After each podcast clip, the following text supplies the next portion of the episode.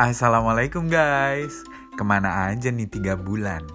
Gak ada kabar Gak pernah update Gak pernah muncul. Kalau ditanyain Kapan mau rilis? Kapan mau terbit lagi episode baru? Diem aja. Gak ada jawaban.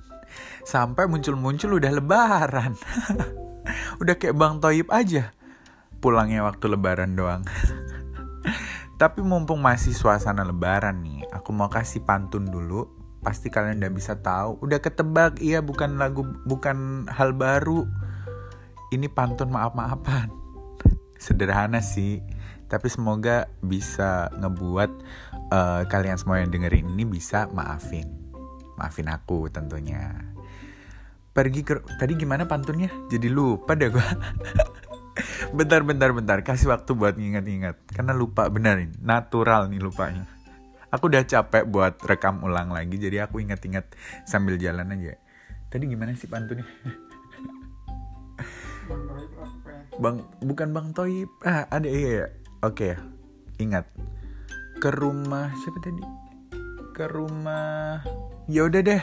Ke rumah Elan makan kedondong apaan sih nggak nyambung? Yaudah deh guys. Nggak usah nggak jadi pantun. Maaf minta maaf aja lahir batin mohon maaf atas semua salah. Kalau ada uh, salah kata salah ucap mungkin uh, di episode episode berikut episode episode sebelumnya ada salah kata yang yang nyakitin. Kok jadi belibet gini ya? Grogi nih grogi. Udah lama nggak update. Sekalinya update terus minta maaf. Kalian tuh berarti buat aku jadi bikin grogi kayak gini intinya minal aizin wal faizin maaf lahir batin tulus nih dari aku apabila di episode-episode sebelumnya uh, ada salah kata ada mungkin yang nyinggung hati teman-teman dan lain sebagainya dan begitupun juga teman-teman semuanya santri begajul maafin jadi kita nol nol ya kita mulai dari nol ya Oke, okay. uh, beberapa minggu lalu aku sempat um, tanya-tanya gitu di Instagram, Instagram. Aku sempat nanya-nanya, kira-kira apa yang harus aku bahas di episode kelima ini. Dan akhirnya aku akan membahas tentang yes, culture shock. Culture shock pertama kali uh, datang ke pindahan ke Turki. Cie, jauh ya, 15.000 km coy pasti banyak tuh culture shocknya dan ada ya kurang lebih ada lima poin yang udah aku catat dan mau aku sampaikan ke teman-teman. Jadi tahun lalu ya tahun lalu tuh datang ke Turki itu waktu bulan Agustus dan di sini udah musim apa ya summer. Udah musim panas. Dari dari negara-negara tropis pindah ke negara empat musim terus akhirnya ya oh gini ya summer. Biasanya biasanya kalau kita belanja di Indo beli baju atau beli apa pun per season ada ganti ganti temanya. Ngikut-ngikut aja. Bulan ini kita sok-sok pakai kemeja summer. Padahal di Indo summer terus 7 bulan. Terus musim dingin sok-sok beli jaket. Padahal suhu 25 akhirnya pas udah di Turki ya udahlah akhirnya bisa agak relate baju-baju yang dulu pernah dibeli relay juga akhirnya di sini. Oke, kita nggak usah banyak-banyak ngomongin musim. Aku mau ngomongin culture shocknya nih. Pertama kali datang ke Turki. Yang pasti adalah makanan. Makanan tuh susah banget. Apalagi buat kalian yang nggak suka makan daging. Buat kalian yang nggak suka daging, kalian yang vegan apalagi. Aku bukan vegan, tapi aku nggak makan daging jadi cuman makan ayam ikan kayak gitu. Itu susah banget di sini karena uh, apa ya kayak kaki lima kaki lima nih kalau di Turki. Itu nggak ada yang jual kayak uh, olahan-olahan tepung kayak di Indo. Itu nggak ada. Kerupuk kayak gitu juga nggak ada. Yang ada itu daging kebab-kebab kayak gitu dan itu semuanya daging. Tapi kalau buat kalian yang meat lovers ini ya kalian pasti akan berasa di apa ya nemu surga kali ya kalau kalian pergi ke Turki. Dan tapi, tapi nih, tapi meski meski banyak daging kayak kelihatan semuanya bergizi, itu semuanya tuh no taste. Jadi tanpa rasa. Karena orang-orang di Turki ini nggak terlalu edik sama yang namanya MSG nggak kayak kita generasi micin apa apa micin. Jadi makanan di sini tuh kebanyakan hambar. Dan uh, kenapa orang-orang Indo biasanya kalau bepergian dia selalu bawa bumbu sendiri, bawa bon cabe, kaleng, bawa garam sendirilah kalau perlu. Itu karena emang uh, rasanya hambar. Masakan di sini tuh semuanya serba hambar, terus apa ya eh, nggak uh, ada rasa lah pokoknya terus juga uh, kalau dari segi makanan itu selain daging daging daging nasi karena makanan pokok kita tuh kan nasi ya nah kalau di sini mereka cara masak nasinya itu berbeda bukan di bukan di apa sih nasi bukan direbus ya di Iya, nasinya bukan digituin pokoknya, tapi digoreng. Digoreng pakai minyak. Jadi beras itu digoreng sama mereka, digoreng. Terus nggak tahu dikasih apa lagi, pokoknya ras jadi ada gurihnya. Jadi ada gurih dan sangat berminyak. Ya, jadi kayak nggak enak aja lah ya nasi. Kadang tuh kalau gorengnya nggak pas, nasinya itu bisa jadi kayak beras tengah mateng. Jadi bikin kita tuh nggak nafsu makan. Udah hambar, nggak ada rasa, beras-beras tengah matang berminyak. Jadi ah kacau banget lah pokoknya. Itu terkait dengan makanan. Terus di sini uh, nasi itu bukan jadi makanan pokok karena makanan pokoknya sehari-harinya itu roti. Jadi mereka biasa beli roti. Roti itu di sini 5000 tuh udah dapet roti gede itu. Nah, terus ntar mereka potong-potong sendiri. Mereka makan tuh pakai sayur. Terus mereka makan juga pakai sop. Jadi rotinya kalau kita biasa dicelup teh ya roti kalau nggak dicelup uh, apa sih namanya teh susu kayak kayak gitu kan. Kalau di sini rotinya dicelup sama sayur. Ada terong di blender sayurnya ada paprika dicampur pokoknya am apa aja tuh jadilah. Kayak bubur ya bener banget kayak bubur kata temanku. Terus uh, roti itu dicelup gitu jadi ah bayangin deh ya roti dicelup terong blender dan gak ada rasanya. Nah, habis itu kalau nasi di sini tuh buat lauk, jadi justru malah kebalikannya. Nasi itu jarang-jarang di sini. Kalau ada nasi ya berarti itu lauknya karena biasa orang ngambil uh, sayurnya itu banyak terus nasinya di pinggir gitu aja. Kalau nggak nasinya itu udah dicampur sama ayam namanya padisah pilau di sini tuh lumayan sih bisa dimakan karena nasinya mix sama ayam dan aja ada kacang-kacangan kayak gitu. Nah ngomongin soal kacang juga makanan di Turki itu identik sama kacang. Banyak banget jenis kacang yang aku baru tahu di sini ada lebih dari 10 jenis kacang dan itu bisa diolah jadi sayuran yang berbeda-beda. Dari fasulye, terus habis itu apalagi ya? Luhut, eh nohut, luhut. Nohut maksudku. Dan banyak lagi lah. Dan uh, biasanya juga itu dibuat kayak kuahnya agak kental molor gitu merah. Ih, terus uh, dicampur sama daging. Ya rasanya tetap nggak ada rasa. Pokoknya kalian harus tetap pinter-pinter nambahin garam. Kalau nggak uh, apa namanya cabai-cabai kering atau apalah kayak gitu. Jadi kita harus bawa bumbu sendiri. Dan juga ngomongin soal cabai, aku jadi ingat kalau makanan di Turki ini nggak ada yang pedes. Jadi kalau kalian beli katakanlah saus pedes gitu ya di supermarket itu nggak pedes sama sekali. Jadi sepedes-pedesnya orang sini, aduh itu kayaknya bayi-bayi di Indo nggak akan kepedesan kalau misalnya kita makan uh, makanan pedesnya orang sini. Jadi orang sini kalau kadang ngicipin masakan kita yang anak-anak Indo di sini itu pasti mereka ngerasa kepedesan. Aja aja dia bilang aja aja dia langsung merah kupingnya bener.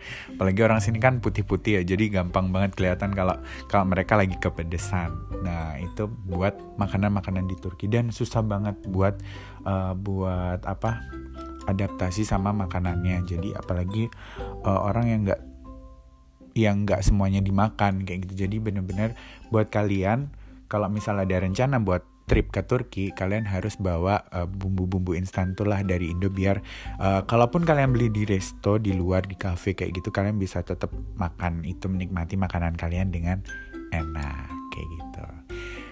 Udah ya gitu aja ya soal makanan. Yang kedua, aku mau bahas yang bikin aku kaget juga nih waktu datang ke Turki itu soal uh, kedekatan, kedekatan antar temen kayak gitu. Maksudku kayak gini, kalau di Indo ya kita lihat kayak cewek jalan bareng, terus mereka cipika-cipiki, cewek-cewek di Indo kan kayak gitu ya mereka jalan oh, sayang apa sih kayak kayak gitu kan terus habis itu cipika-cipiki lah foto ciuman bahkan diupload kayak gitu di sosmed ya nggak jadi masalah. Tapi kalau cowok begitu di Indo itu udah eng eng eng kan dalam tanda kutip.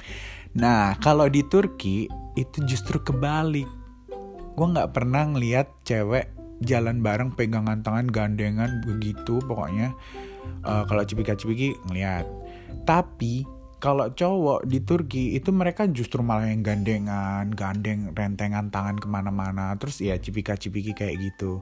Bahkan nih aku temanku sendiri itu justru malah kayak di profile Instagramnya itu kayak kalau orang pacaran di Indo biasa kan uh, username ceweknya ditulis di profile uh, IG cowoknya yang di IG cowok profile IG ceweknya ditulis username IG cowoknya. Nah kalau di sini di Turki saking eratnya persahabatan antara laki-laki dengan laki-laki itu juga yang ditulis adalah uh, username profile uh, username temennya ini. Jadi kalau kita klik uh, yang muncul ya si temennya ini. Jadi jangan salah paham. Justru di sini kalau di Turki kedekatan antar laki-laki itu lebih deket banget daripada cewek sama cewek bahkan pas pertama kali aku ngeliat sama teman-temanku eh kok banyak banget ya orang gandeng-gandengan kayak gitu? Terus kadang kita digandeng juga nih.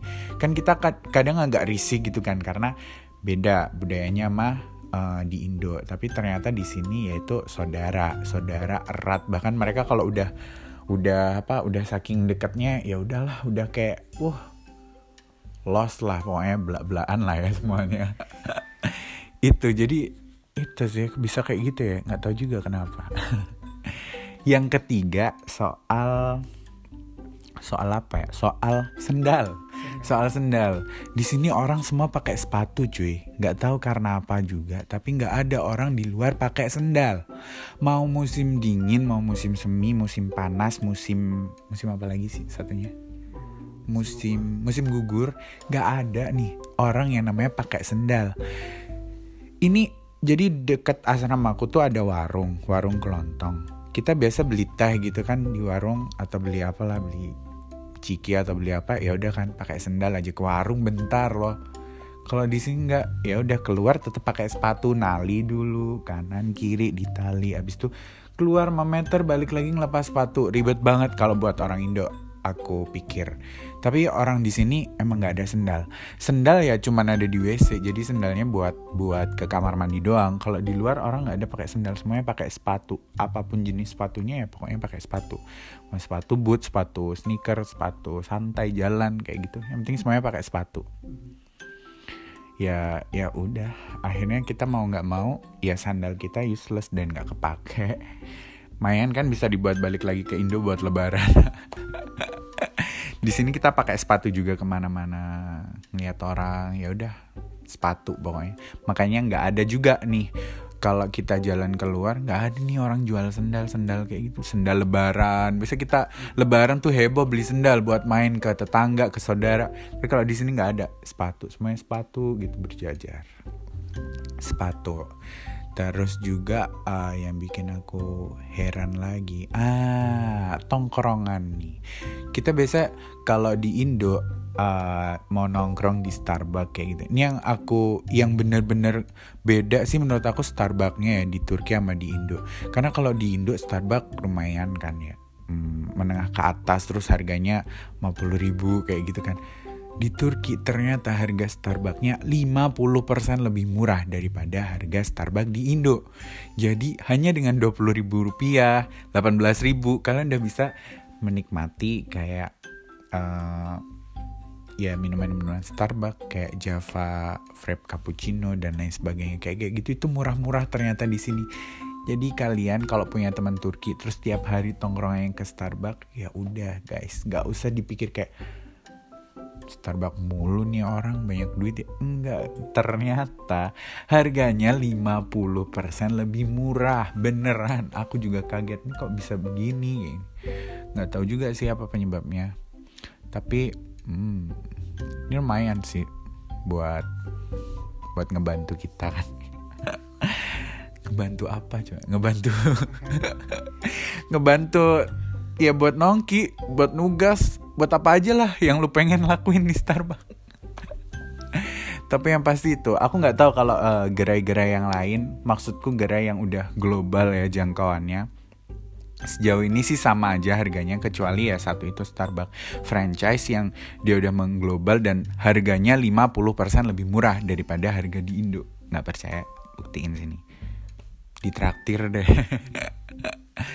Terus juga ada apa lagi? Culture shock. Kucing kucing bener kucing. Kucing anjing. Nggak gini. Gue di Indo takut banget sama anjing.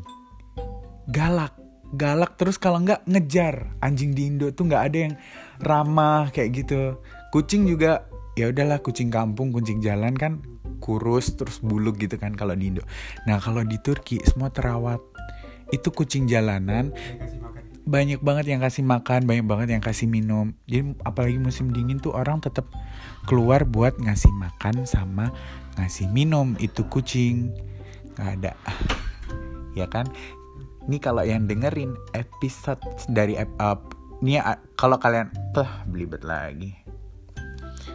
Kalau kalian dengerin nih kalian yang dengerin dari episode 1 sampai episode 5 tiap gue rekaman pasti ada yang buka pintu. Yaudah ya jadiin mungkin itu jadi brandingnya santri begajul ya. Di tengah-tengah cerita ada orang ngebuka pintu. Nggak settingan nggak tahu kenapa kucing. Terus juga uh, kucing anjing tuh di sini dikasih apa sih sama pemerintahnya di disuntik itu apa ya namanya? Di divaksin kayak gitu loh biar dia nggak rabies nggak penyakitan kayak gitu. Jadi anjing-anjing di sini tuh telinganya kayak ada uh, apa? Kalau kalian beli baju ada bandrolnya kayak gitu warna hijau warna abu. Nah itu berarti anjingnya udah divaksin sama sama pemerintah sini terus juga mereka nggak ada yang galak. Bener mereka ini sih mereka apa sih ngegonggong tapi nggak ya udah nggak ada orang takut gitu. Dan mereka juga nggak nggak aneh-aneh. Mereka udah kayak teman-teman sendiri lewat gitu eh anjing kayak gini. Anjing lah anjing lah kayak gini. Udah kayak teman sendiri lah pokoknya sama anjing sama kucing di sini. Kalau di Indo anjing lah gebukin lo yang ada. Terus apalagi tadi yang udah kita pikirin ada satu lagi nih. Uh, bentar ya ucapan. Oh iya iya iya. Yang yang bagus juga nih dari orang Turki mereka tuh sering ngasih motivasi sama teman-temannya. Jadi ngelihat temennya lagi sibuk ngerjain kolegalsin good luck ya semoga dimudahin. Terus uh, nih sisipan aja di jalan. Sisipan di jalan dia balik dari kampus kita mau keluar kayak gitu kan. Dia selalu nyapa kayak uh, selamat malam gimana kabarnya? Siang nanya kabar sore nanya kabar malam nanya kabar. Sebelum tidur dia pasti bakal nanya kabar lagi. Selesai nah selesai kayak gitu. Saking dia care-nya saking dia pedulinya sama ya sama kita. Apalagi uh, sama WNA yang ku tahu sejauh ini uh, sama orang-orang asing mereka welcome banget. Nggak nggak yang terus mandang gimana gitu nggak sih apalagi orang-orang Indonesia kan terkenal ramah tamah. Jadi ya welcome lah pasti mereka. Tadi ada satu lagi sebenarnya lupa. Lebaran ah, bukan bukan lebaran. Aduh lupa nih. Culture shock. Pokoknya intinya itu sih dan ternyata waktu aku di sini ini sebenarnya bukan culture shock ya tapi ya udahlah apa aja yang ngebuat aku oh gini ya agak shock dikit lah shock shock dikit lah. Kayak ternyata kalau pas summer itu kita jam 9 malam tuh masih masih sore. Jadi jam 9 malam tuh langit baru mau merah. Jam 8 malam itu masih biru biru banget. Itu kalau kayak uh, summer summer kayak gitu ternyata begitu ya. Ternyata dia masih terang banget. Jadi uh, maghrib tuh jam 9 lebih. Terus sholat isyaknya itu buat yang muslim nih ya FYI sholat isyanya itu jam setengah sebelas. Setengah sebelas lu baru sholat isya terus subuhnya jam uh, ya jam empat. Terus jam 5 itu udah cerah lagi jam 5 pagi. Jadi uh, malamnya itu cuman 6 jam 7 jaman lah. Jadi malamnya pendek. Tapi kalau winter itu uh, malamnya lama. Jadi sampai jam 8 setengah 9 pagi itu masih agak gelap-gelap gitu karena subuhnya jam 7 jam setengah 8 kayak gitu. Bahkan jam 8 nah nanti isyaknya itu jam normal jam 7 jam tujuan. Jam tujuan. Nah kalau lebaran nih karena kita bukan lebaran sih Ramadan nih karena kemarin juga baru selesai Ramadan ya. Jadi puasa di sini itu udah hmm, masuk 10 negara yang puasanya terlama. Kita puasanya di dua minggu pertama itu 16 jam dan di dua minggu kedua itu 17 jam. Itu lama banget. Dan ya udah sih tapi alhamdulillahnya nggak ngerasa nggak ngerasa capek atau apa. Ya mungkin apa karena pandemi covid juga ya jadi karena di rumah aja nggak ngapa-ngapain jadi ya nggak kerasa puasanya selama itu kayak gitu ya itu sih. Oh aku tahu tahu tahu. Ah mandi iya mandi. Mandi bener. Kalian nih penting nih buat kalian yang pengen banget punya suami apa istri orang Turki. Kalian harus tahu mereka cakep oke. Okay. cakep cowoknya cakep ceweknya cantik ya kan? Tapi mereka jarang mandi. Lu siap nggak lu? Beneran ya aku nggak bohong nih mungkin cuman di podcast santri begajul yang bener nge-review orang Turki belak-belakan kayak gini. Pertama kali kamar mandi ini bersih nih ya kan? Pertama kali masuk kalau habis dipakai nih sama orang Turki baunya nggak enak banget beneran. Baunya nggak enak. Bau apa coba? Bau keringat. Bau keringatnya tuh nggak enak banget. Karena apa? Karena mereka jarang mandi. Mandi seminggu sekali seminggu dua kali doang kita nih orang Indo yang di sini kita mandi sehari dua kali. Jangankan sehari dua kali sehari sekali mandi aja tiap hari mandi udah kayak jadi aib. Lu ngapain lu mandi lagi? Junub ya. Junub junub junub terus dia bilang ya coba. Apaan? Padahal mandi ya kita mandi emang sehari dua kali tiga kali. Mereka enggak coba. Terus uh, ngelihat orang mandi tiap hari aneh padahal mereka baunya gila. Orang Turki nggak pakai parfum udah lu jangan deket-deket. Beneran lu jangan deket-deket kalau nggak mau pingsan. Nggak cewek nggak cowok nih sama aja nih. Cewek apalagi wow meledak udah. Di pinggirnya itu kalau mandi. Jadi uh, persiapin. Kalian harus bisa paksa calon-calon. Kalau kalian pengen uh, punya calon orang Turki kalian harus siap itu juga. Atau malah kalian yang bakal ikutan mandi seminggu sekali. Atau seminggu dua kali lah. Jadi ya gitu sih. Terus di sini juga hmm, aku ingat ini masih ada hubungannya sama makanan. Orang sini suka ngecai, suka ngeteh banget. Ngeteh tuh sehari bisa sampai 10 gelas teh, 15 gelas teh. Ditelan sama dia. Semuanya. Kopi nggak terlalu kopi. Tapi kalau cai, kalau yang namanya teh, itu udah macem-macem tuh. Ada cai inilah buat sakit pilek lah, sakit pusing kepala, mual, terus cai yang sehari-hari, cai yang cai terbuka, cai tertutup, pokoknya semuanya ada dan Iya, kalau ada tamu juga dia wajib tuh menyajikan teh buat tamunya. Jadi aduh sampai pokoknya harus diimbangin sama minum air putih yang banyak sih biar biar pipisnya biar pipisnya nggak nggak apa namanya biar tetap bening kayak gitu. Karena di sini konsumsi chainya gila-gilaan. Kayaknya kalau 10 gelas tuh ya lebih dari seliter teh sehari. Lu bayangin aja lu minum aduh. Apalagi kalau kita lagi uh, berkunjung berkunjung kayak gitu kan. Habis dari rumah ini kasih teh sana lagi kasih teh dan harus diminum cuy masalahnya kayak kayak kita mertamu aja kalau disuguhin kan harus dimakan. Nah kayak gitulah. Uh, mungkin itu tadi udah berapa ya? Ternyata lebih dari lima yang ku ceritain kalian. Dan hmm, iya kalau sarung jelas nggak ada ya di sini. Uh, udah sih itu aja. Itu aja mungkin guys. Hmm, apa yang udah aku rasain sejauh ini dan yang aku inget kayaknya dan semoga bisa nambah wawasan kalian terkait Turki. Oh ya, jangan berpikir bahwa Turki adalah negara Islam yang agamis semuanya berkerudung dan seperti negara-negara Arab pada umumnya karena tidak di Turki adalah negara sekuler jadi orang-orangnya jauh lebih liar, jauh lebih terbuka daripada Indo dan semuanya emang ada di sini. Tapi bagusnya adalah uh, mereka budaya, mereka bangunannya sama transportasinya itu udah kayak Eropa banget. Semuanya ada canggih lah pokoknya.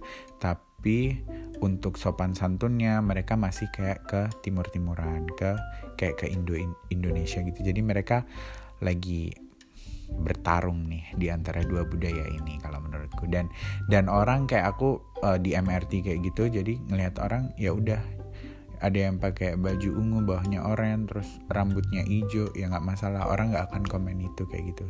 Di sini juga tingkat apa ya toleransinya lumayan gede. Dan ya udah. Lo lo gue gue lo mati gue tahlilin. Kayak gitulah. Intinya nggak ada apa ya nggak ngurus nggak banyak banyak ngurusin hidup orang di sini.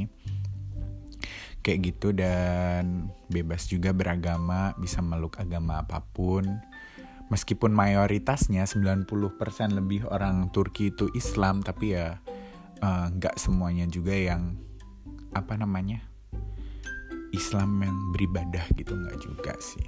Ya santuy aja lah kalau soal itu ya kan. Intinya begitu dan apa ya aku berharap setelah kalian tahu tentang Turki kalian juga akan tertarik dan untuk datang ke sini dan membuktikan apa yang udah aku ceritain apa yang udah aku ceritain di podcast episode 5 kali ini ke kalian. Jadi jangan percaya aku 100% percaya aku 99% aja. Satu persennya kalian harus datang ke Turki. Jengukin. Jengukin gua ya. Oke jadi intinya itu aja yang bisa aku ceritain kalian di podcast kali ini. Sampai ketemu di podcast berikutnya semoga kita semoga ini begajul nggak jadi bang type lagi nggak hilang-hilangan dan bisa uh, rajin buat update podcast ini. Oke, okay, see you guys. Wassalamualaikum warahmatullahi wabarakatuh.